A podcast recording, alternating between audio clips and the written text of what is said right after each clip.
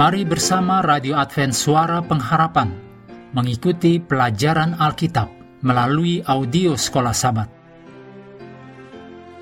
Selanjutnya kita masuk untuk pelajaran Senin 14 November.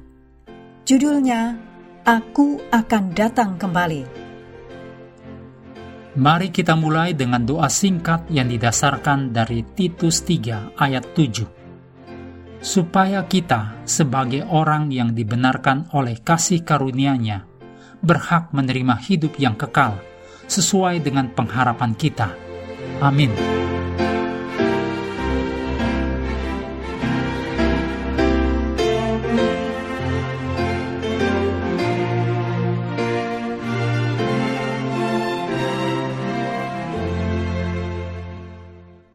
Sudah hampir 2000 tahun sejak Yesus berjanji untuk datang kembali, seperti yang ditulis dalam Yohanes 14 ayat 1 sampai 3. Bagaimanakah kita dapat membantu orang lain melihat bahwa terlepas dari waktu yang sangat lama, yang sebenarnya tidak masalah, janji Yesus ini tetap relevan, bahkan dengan generasi kita, terlepas dari sudah berapa lama Yesus mengucapkannya.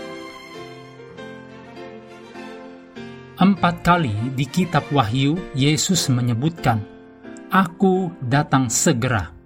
Ditulis dalam Wahyu 3 ayat 11, Wahyu 22 ayat 7, 12, dan 20. Pengharapan akan kedatangan Yesus yang segera mendorong misi gereja para rasul dan memenuhi kehidupan orang-orang Kristen yang tak terhitung jumlahnya selama berabad-abad dengan pengharapan.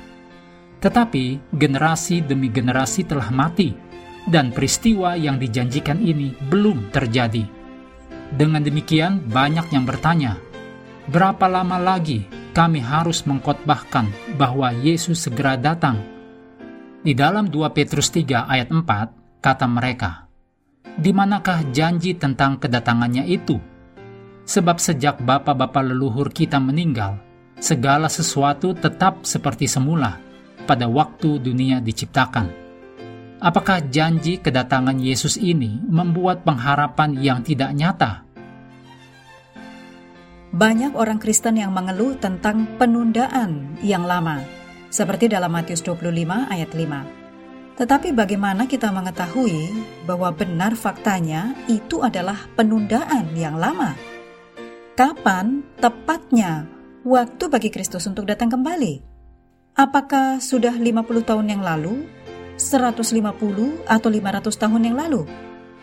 Yang benar-benar penting adalah janji Alkitab dalam 2 Petrus 3 ayat 9. Tuhan tidak lalai menepati janjinya, sekalipun ada orang yang menganggapnya sebagai kelalaian. Tetapi ia sabar terhadap kamu, karena ia menghendaki supaya jangan ada yang binasa, melainkan supaya semua orang berbalik dan bertobat.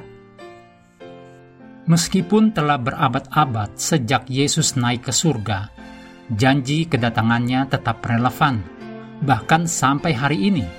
Mengapa? Karena yang kita miliki hanya kehidupan yang singkat.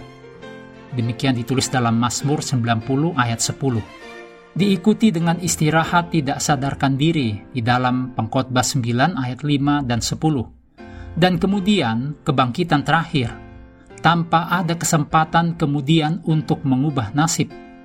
Dicatat dalam Ibrani 9 ayat 27. Sejauh menyangkut tiap-tiap orang yang mati, seperti disebutkan dalam pelajaran ketiga, karena semua yang mati hanya tertidur dan tidak sadar kedatangan Kristus yang kedua tidaklah lebih dari satu atau dua saat setelah mereka mati. Bagi Anda, menurut pengalaman pribadi, seperti juga untuk semua umat Tuhan dari segala usia, kedatangan Kristus tidak lebih dari sesaat setelah kematian. Itu sangat segera, bukan? Setiap hari yang berlalu membawa kita satu hari lebih dekat pada mulianya kedatangan Tuhan Yesus Kristus di awan-awan. Walaupun kita tidak tahu kapan Yesus akan kembali, kita bisa pastikan bahwa Ia akan datang, dan itulah yang paling penting. Seorang pendeta berkhotbah menegaskan bahwa ia tidak peduli kapan Kristus akan kembali. Yang ia pedulikan hanyalah bahwa Kristus pasti kembali. Kiranya ini dapat membantu pemahaman Anda, khususnya jika Anda termasuk yang berkecil hati karena Kristus belum kembali Mengakhiri pelajaran hari ini, mari kembali kepada ayat hafalan kita, 1 Yohanes 5 ayat 11 sampai 12.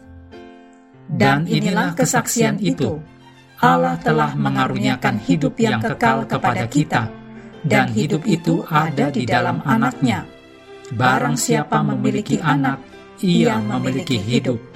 Barang siapa tidak memiliki anak, ia tidak memiliki hidup. Hendaklah kita terus tekun mengambil waktu bersekutu dengan Tuhan setiap hari bersama dengan seluruh anggota keluarga, baik melalui renungan harian, pelajaran sekolah sahabat, juga bacaan Alkitab sedunia percayalah kepada nabi-nabinya yang untuk hari ini melanjutkan dari 1 Raja-Raja pasal 14. Tuhan memberkati kita semua.